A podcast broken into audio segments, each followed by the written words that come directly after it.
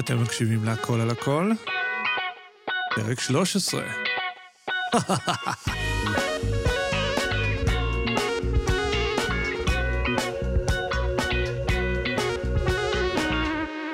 מה המצב חברים וחברות? לי קוראים עידן, אני זמר ומראה לפיתוח קול.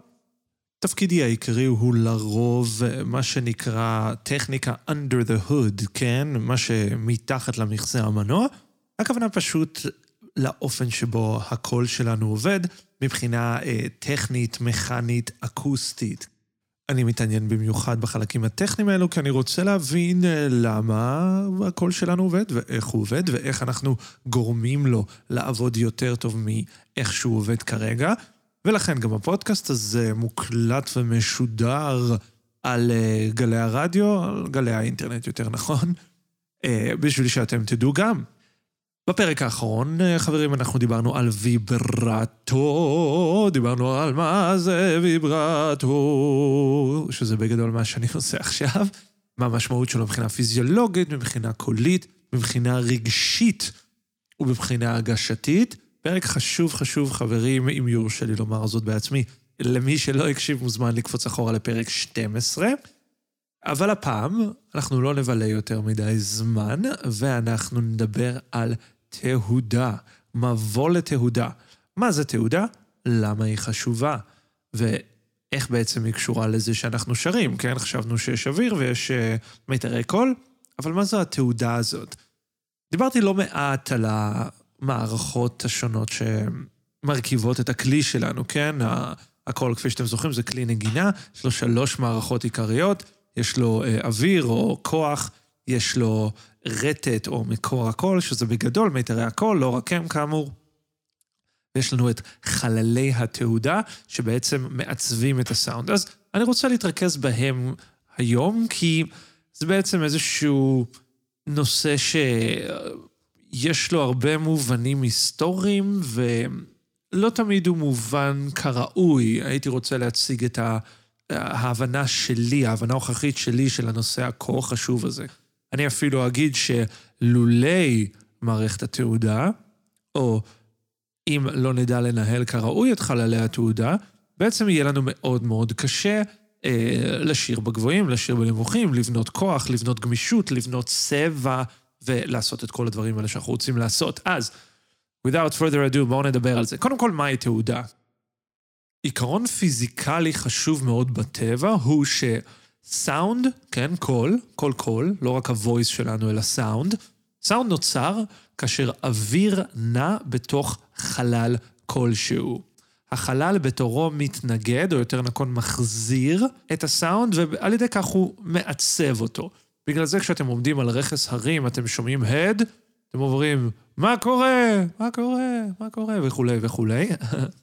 אבל אין הד uh, בשדה פתוח, כן? תעמדו בעצם שדה פתוח ותנסו לזעוק איזה משהו, אתם לא תקבלו שום החזר, כי בעצם לא יהיה שום מה שיחזיר את הסאונד לכיוון אליכם. בערך השרים יש את הגבעות והעמקים, בשדה פתוח אין שום דבר, יש רק את האדמה שמתחתיכם, והאדמה היא, היא די טובה בלספוג, כן? במיוחד אם זו אדמה שהיא... אה, לחה מעט, כן? לא אדמה שהיא נורא נורא קשה, אבל בגדול האדמה מאוד מאוד סופגת, כן? זאת הסיבה בעצם שיש הד בערים, אבל לא בשדה פתוח, וכמובן, וכמובן שבחלל, בחלל החיצון אין סאונד בכלל. אין סאונד בכלל, כיוון שאין אוויר. לכן אה, בעצם הסלוגן של הסרט הנוסע השמיני, Alien מ-1979, היה In space, no one can hear you scream, והסיבה שהוא היה כל כך גאוני, היא קודם כל כי, כי פיזיקלית זה נכון, אה, באמת אי אפשר לשמוע אתכם צורכים בחלל כי אין אוויר, אבל לא פחות חשוב מזה, המסר של הסלוגן הזה היה כי אתם לבד, שאתם לבד, זה רק אתם. מול איזה סופר טורף כזה שאי אפשר ליצור איתו בכלל שום תקשורת, והדבר היחידי שמעניין אותו זה להרוג אתכם. אם לא ראיתם את הסרט הזה, אני מאוד מאוד ממליץ, הנושא השמיני מ-1979, יצירת מופת. עד היום הוא מפחיד, כן. אבל לא משנה, אני יכול לדבר הרבה על סיפורי אימה ועל סרטי אימה ומדע שאני אוהב, אבל זה יהיה פודקאסט אחר. אנחנו פה, חברים, בשביל לדבר על תעודה, אז בואו נחזור לזה. בגוף שלנו יש מיתרי קול, שדיברנו עליהם, כמובן הם אה, מערכת הרטט, הם בעצם מה שממיר את האוויר לסאונד. כן, האוויר שיוצא מהריאות אה, עובר דרכם, הם מתנגדים לו ויוצר סאונד, זה, זה אנחנו כבר יודעים. אבל חשוב להבין שמיתרי הקול לכשעצמם לא מעצבים את הסאונד. למעשה, מיתרי הקול עצמם אה, מפיקים סאונד די מעצבן, זה קצת כמו של ברווז, אם תלכו לספארי או לפארק המקומי שלכם ויהיו שם ברווזים, הם יעשו סאונד, זה יישמע אה, אה, אה, משהו כזה. זה די קרוב לאיך שמיתרי הקול לנו נשמעים לכשעצמם, ממש כמו איזה זמזום מעצבן. אם הייתי בעצם יכול להוריד את הצוואר והראש שלכם, את כל החלק בעצם שמעל מיתרי הקול, זה בעצם מה שהייתם שומעים, זה משהו מאוד מאוד מעצבן. לכן, מה שבעצם מעצב את הסאונד שאנחנו שומעים, את מה שאנחנו מזהים כקול, voice או sound לצורך העניין, למעשה זה לא מיתרי הקול, אלא חללי התהודה שלנו. ופה אני רוצה להפנות אתכם אה, לסרטון וידאו ממש ממש מגניב, שממש מדגים את הנקודה הזאת, אם תלכו ליוטיוב ותכתבו vocal tract model synthesis, כן? vocal tract model synthesis. יצא לכם איזה משהו מ-2007 שנראה כאילו הוא צולם בשנות ה-50 בשחור לבן, אבל בעצם מה שאתם תראו שם זה בעצם איזשהו מנוע שמפיק סאונד, מנוע קטן שהוא בעצם מחקה את מיתרי הקול, ועליו מושיבים איזה שהם תושבות מפלסטיק, שבעצם הם מודלים מפלסטיק של אנשים אמיתיים, לא של האנשים עצמם, אלא של תמונות MRI שלהם. ובעצם מה שעשו זה אה, יצרו תבניות סיליקון בצורה של תנועות שונות של אותם אנשים. למשל, לקחו בן אדם, צילמו אותו ב-MRI, וכשהוא עושה את התנועה אה, כן, לא אה ישראלי, אלא אה, יותר בריטי, ואז ממש יצקו אותו בסיליקון ובפלסטיק, ואז מושיבים את זה על אותו מנוע שמחקה את מיתרי הקול, בעצם מנוע סאונד. אז מה שאתם תשמעו עכשיו, ואני שוב ממליץ שתלכו לראות את זה, יהיה בעצם זמזום מעצבן כזה, שזה בעצם מיתרי הקול לבדם, ואז תשמעו איזשהו שינוי בזמן שמישהו מרכיב את אותה תושבת על מיתרי הקול כביכול, ואז ממש תשמעו את הסאונד הופך לאה, כן? תקשיבו לזה, זה די מגניב. הנה הסאונד. הנה מושיבים. כן, שומעים את זה? זה לא בן אדם. פורק שוב. הורכב שוב, ועכשיו, מה שאתם שומעים, השינוי הזה, זה בעצם בלי אף ועם אף. והנה הוא שר. אוקיי? אותו הדבר בדיוק עם התנועה או, כן? כמו לא, או. בואו ננסה שוב להקשיב. סליחה, זה או, טעות שלי. הוא כמו טו. עשרה. הרכבה שוב, ועכשיו, עם אף.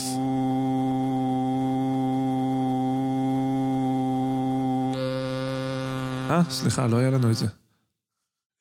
אה, בואו ננסה את אותו הדבר אה, עם אה, דימוי בעצם של, בעצם מודל של זמרת, של נקבה.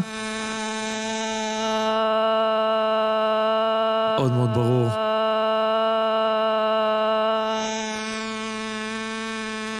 בלי, ושוב עם.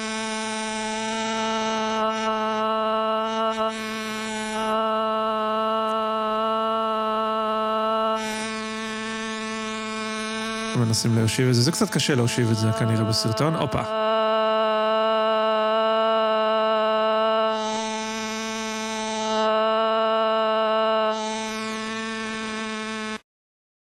זה ממש מגניב לראות את זה, אני ממליץ לכם כאמור לחפש את זה.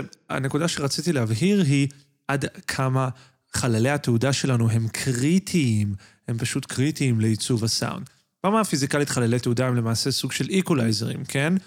בשביל זה צריך להבין, שוב, הסבר מאוד מאוד קצר, שצלילים בטבע זה למעשה, אה, זה לא הצליל שאנחנו שומעים. אם אני מנגן נגיד את התו הזה, את הדו הזה, בעצם לא שמעתם עכשיו רק את הדו, שמעתם אה, את הדו הזה ואת הדו שמעליו, ואת הקווינטה שמעליו, אה, ועוד דו, וטרצה, וקווינטה, ו flat 7. כן? אה, וזאת למעשה הסדרה ההרמונית שקיימת תמיד בטבע. וכשאתם שמים בעצם אקולייזר או EQ על משהו, בעצם הוא לוקח את המידע הזה, את הסדרה ההרמונית הזאת, וחלקים מהסאונד בעצם מונמכים וחלקים מהסאונד מודגשים, כן? זה קורה נגיד בתוכנה, בתוכנות שעושות את זה, זה קורה בחללים שונים. חדר א' יהיה יותר כהה כביכול מחדר ב' שיהיה בהיר יותר, שזו צורה אחרת להגיד, אה, החדר הכהה יהיה לו בעצם יותר את האוברטונים, את התדרים הנמוכים, וחדר בהיר יהיה לו בעצם יותר את האוברטונים הגבוהים, את התדרים הגבוהים. וזה קורה גם בעצם בתוך הגוף שלנו. זה בעצם אחת הסיבות שהכלי שלנו הוא בעצם כל כך מיוחד.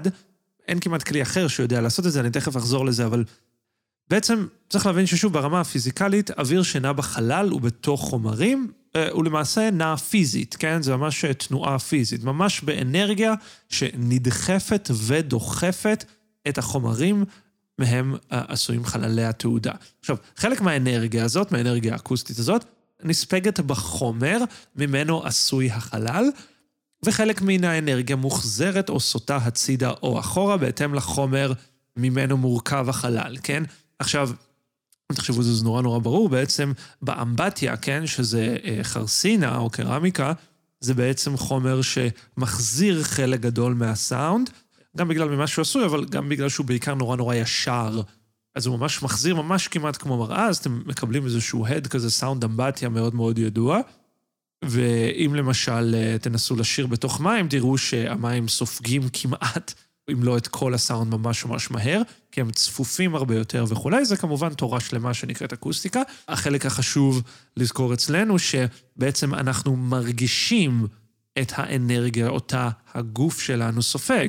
כשאתם שורים תו נמוך, אה, אתם מרגישים את זה בעצם באזור החזה, מה שהיסטורית קראו לו קול חזה, אנחנו עוד נדבר על זה עוד בהמשך.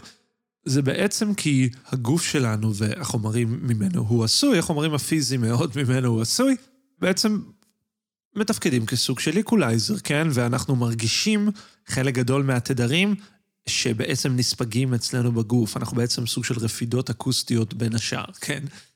מה שצריך לזכור כאן זה כשצליל מהדהד בחלל, לצורך העניין בחללי התעודה שלנו, אה, בעצם החלל מגביר תדרים מסוימים, מנחית תדרים אחרים, כן? עכשיו, האופי או הצורה, כן, לא רק החומר ממנו החלל התעודה עשוי, אלא בעיקר הצורה שלו, הוא זה שלמעשה נותן לכל כלי או צליל את האופי שלו.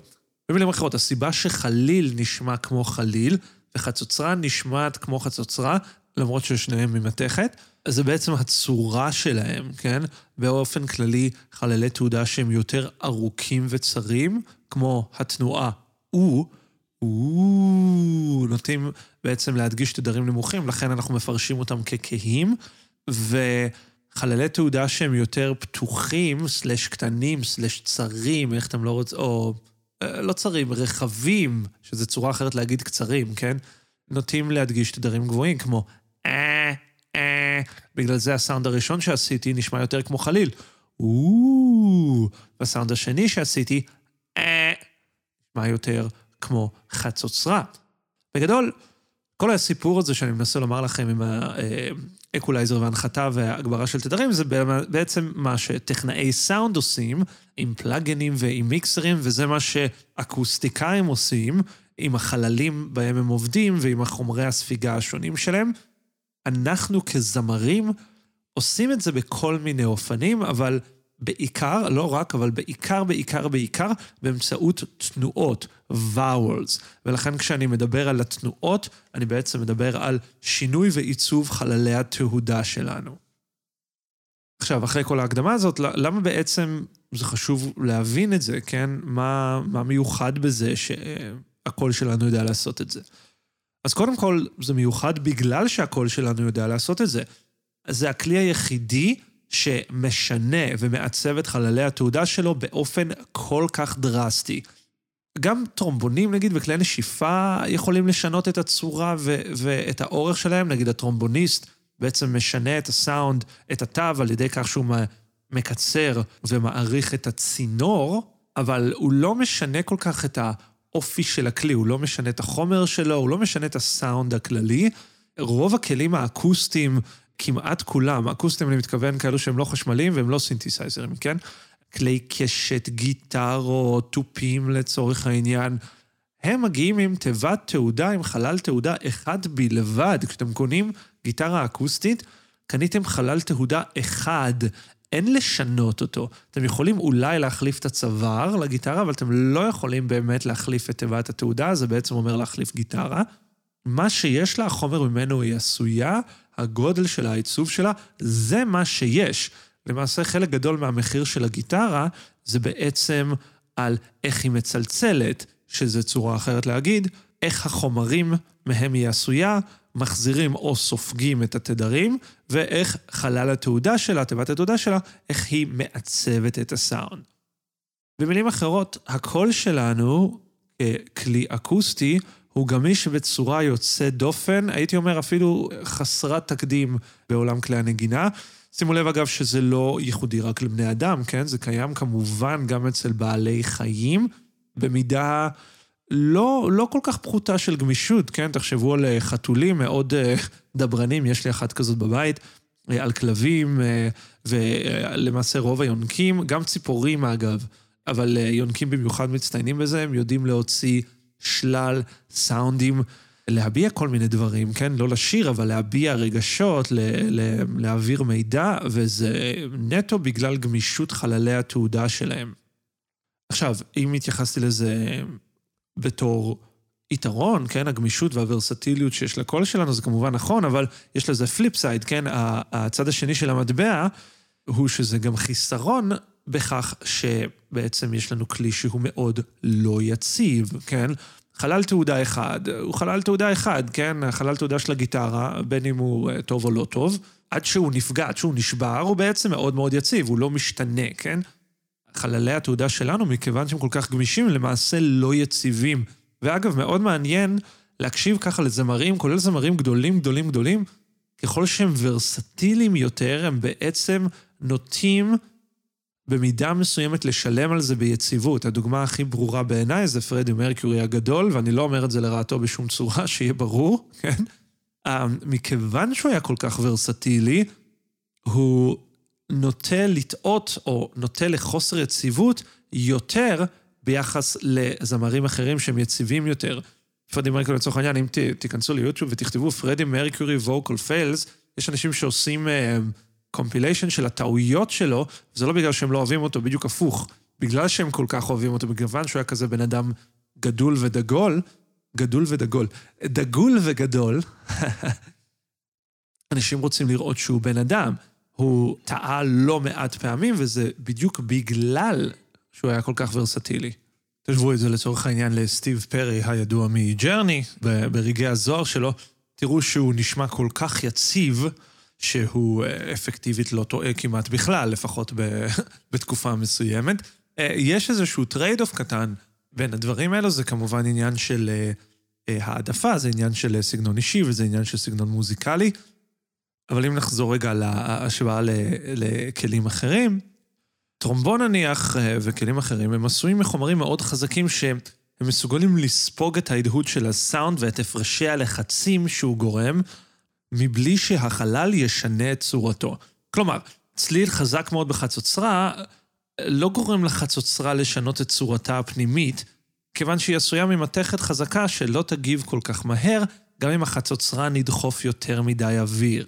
כן, במילים אחרות, אם אה, החצוצרן הוא לא כזה מיומן והוא ידחוף ממש מלא אוויר בחצוצרה, אה, אולי אה, זה לא יהיה תו שיישמע כל כך יפה, אבל המתכת שממנה עשויה החצוצרה לא תגיב, היא לא תקרוס. הצורה הפנימית של החצוצרה לא תשתנה, זה סתם לא יישמע הכי טוב. תשוו, נגיד, כנר, מי שמתחיל לנגן בכינור, כנר, כשהוא מנסה להוציא צליל עם הקשת ונשמע כמו חתול חולה, זה לא גורם לתיבת התעודה של הכינור לקרוס פנימה לתוך עצמה, כן? זה סתם לא נשמע הכי טוב, אבל הכינור עצמו לא מתרגש מזה. בקול שלנו זה לא עובד ככה. הקול שלנו מערכת דו או אפילו תלת-כיוונית. מה זה אומר? זה אומר שחללי התעודה שלנו מגיבים מאוד מהר לסאונד שמפיקים את הרי הקול וללחץ האוויר שמתחתיהן. במילים אחרות, מערכת התהודה מגיבה לטעויות במערכות האחרות, וגם הפוך, כן? במילים אחרות, אם אני דוחף יותר מדי אוויר, התהודה שלי תסבול, והפוך, אם אני אשמור על לחץ אוויר טוב וראוי, לא יותר מדי ולא פחות מדי, זה ייצב את מערכת התעודה, וגם בכיוון השני, מערכת תעודה יציבה, תעזור לי לשמור על לחץ אוויר סדיר. זה בעצם חלק מהאימון ש, אה, שעושים בפיתוח קול. חללי התעובה יגיבו מאוד מהר לסאונד שמפיקים מיתרי הקול וללחץ האוויר שמתחתיהם. או שהם יצליחו לייצב ולעצב את הסאונד, ואז אנחנו נשמע טוב, או שלא. ואז מיתרי הקול יגיבו ויתחילו ללחוץ, או שהסרעפת ומערכת התמיכה תדחוף יותר מדי אוויר, או שתשחרר ותקרוס פנימה. במילים אחרות, תהודה יציבה ואופטימלית היא מרכיב מפתח בקול חזק ויציב. אם אנחנו רוצים קול יציב, קול חזק, אנחנו, במילים אחרות, צריכים לייצב ולעצב, נכון, את מערכת התעודה שלנו. בלי תהודה טובה אין שירה, או לפחות לא שירה בריאה שמצלצלת טוב. תשימו לב, אגב, שאני לא מדבר כאן על אה, סאונד נקי בהכרח או מלוכלך בהכרח, כן? במילים אחרות, אם אתם שרים עם אה, אפקטים, עם דיסטורשנים וגראולים ודברים בסגנון הזה, לא לזה הכוונה. במילים אחרות, עדיין צריך ש... חללי התעודה שלכם יהיו יציבים וטובים, כן? זה לא קשור עם הסאונד שאתם מנסים להפיק, הוא מלוכלך בהכרח, או נקי בהכרח, או כהה או בהיר, או כל אחד מהתיאורים שתרצו לתת להם. זה ממש לא קשור, אה, שתי שאלות שונות. תמיד אנחנו צריכים חללי תהודה יציבים וברורים. בסדר? זה חשוב. עד כאן חברים, מבוא פיזיקלי קצר לתהודה ועל החשיבות של התהודה בכלי שלנו. אנחנו נמשיך את הדיון הזה ונהפוך אותו לקצת יותר, אה, נקרא לזה, בגובה העיניים, כן? קצת יותר פרקטי אולי, וקצת יותר נוגע לנו ישירות אה, בפרק הבא.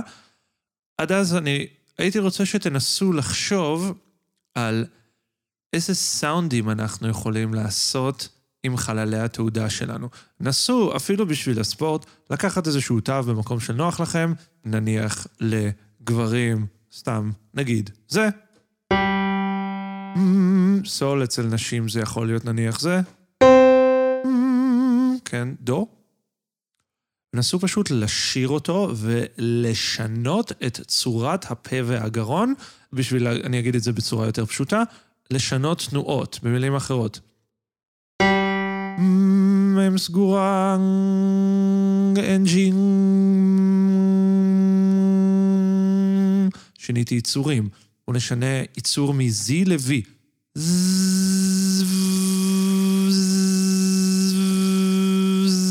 שומעים שיש ממש הבדל בסאונד. בואו נחליף תנועות.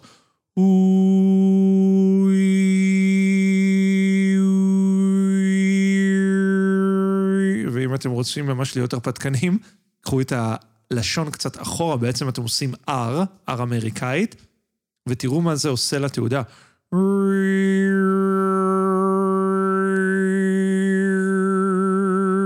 אולי תצליחו לעורר שם איזה אוברטון. זה נושא נפרד שאנחנו נדבר עליו, אבל אם תגידו פשוט אה, אה, אי או או, נגיד על ה-G.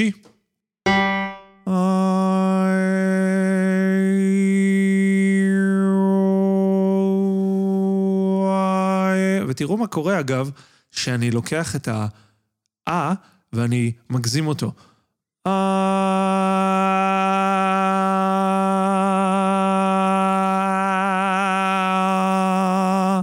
אתם שומעים שהתוכן התהודתי, התדרים, בעצם משתנים, למרות שבעצם שרתי גרסאות שונות של אה. אני, זה נשמע כאילו אני אומר אה, אבל זה לא היה אותו אה כל הזמן. מכאן החשיבות הקריטית של דיוק בתנועות, כי התוכן התהודתי שלהם הוא שונה, כן, מגרסה אחת של אה לגרסה אחרת של אה. בגלל זה המורים שלכם עובדים איתכם חזק מאוד על תנועות. דיוק הוא למעשה צורה של ייצוב, כן? ומערכת יציבה היא מערכת שניתן לעצב. עד כאן חברים, אנחנו נמשיך עם הנושא המאוד מאוד חשוב הזה בפעם הבאה. עד אז...